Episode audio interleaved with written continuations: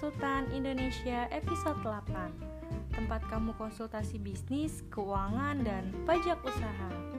Bersama saya Mutia Neta Hairani Di sini saya yang akan menemani kalian dalam beberapa menit ke depan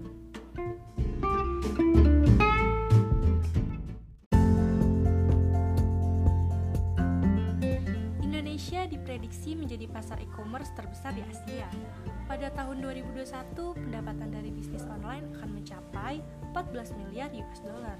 Angka itu akan setara dengan 20% pendapatan negara. Tak heran bisnis online menjadi ladang uang paling strategis untuk dijajaki. Di antara sekian banyak skema berbisnis online, dropship merupakan salah satu yang cukup potensial loh. Skema bisnis dropship bisa dibilang minim resiko sekaligus juga minim modal siapa saja sih yang bisa memulai bisnis dropship alias menjadi dropshipper? Ternyata siapa pun bisa menjadi dropshipper, asalkan familiar dengan e-commerce, peka dengan permintaan pasar, dan getol untuk mempromosikan bisnis yang digelutinya. Jadi, kamu tertarik menjadi dropshipper? Kalau iya, episode podcast FR kali ini sangat cocok untuk kamu dengar. Untuk pembahasan yang lebih rinci, simak terus episode kali ini hingga akhir ya. Pertama,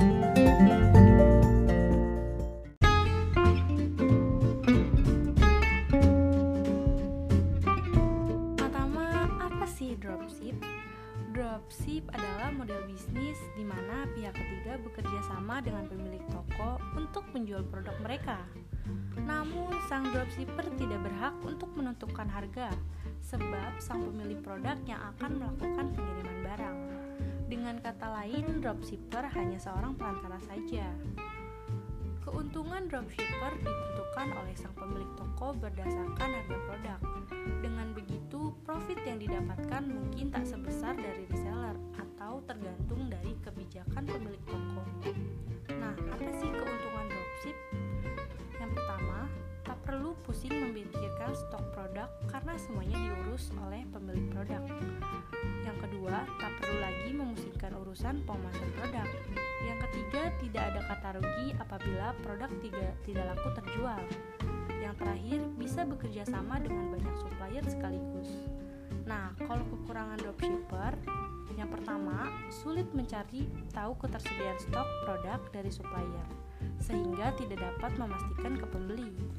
Yang kedua, bisa mengetahui kualitas dan spesifikasi produk yang sesungguhnya.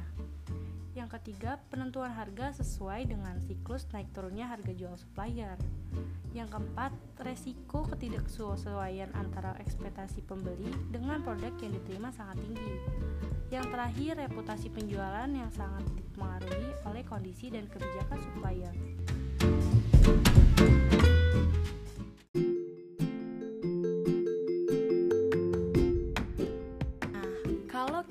Mengulas kembali tentang dropshipper atau reseller pada episode sebelumnya, sebetulnya kedua profesi bisnis ini sama-sama cocok untuk pengusaha pemula. Karena kamu bisa belajar banyak tentang pemasaran, branding, bahkan sampai cara mengelola keuangan dan pembukuan. Keduanya pun memiliki resiko yang harus diperhatikan.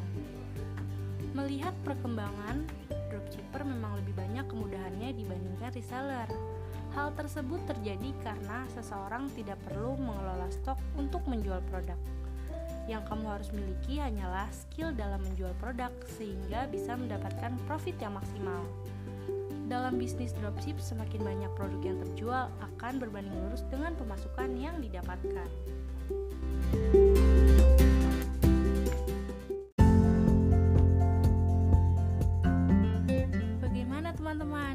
Kira-kira menarik nggak pembahasan kali ini?